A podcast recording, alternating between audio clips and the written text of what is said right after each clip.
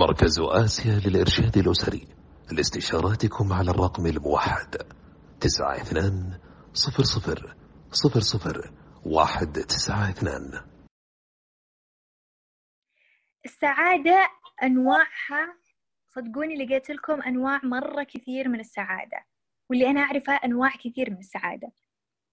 بس أبسط أمر أبسط أنواع علشان أنا ما آه ما أضيعكم.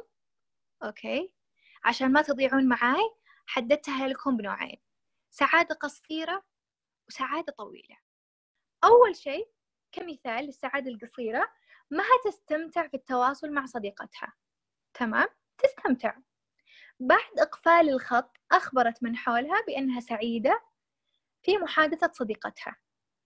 استمتعت حاشت شعور داخلها قامت قالت للناس اللي حولها انقلت للأشخاص اللي حولها كلمتني صديقتي فلانة وأنا مرة مبسوطة بتواصلها. تمام؟ بعدها انقلت لأمر ثاني. تحب التأمل بنعم الله عليها. أوكي شفتي كيف انتقل معاي الموضوع؟ بدأت تستشعر بنعم ربي عليها. من ضمن هذه النعم صديقتها.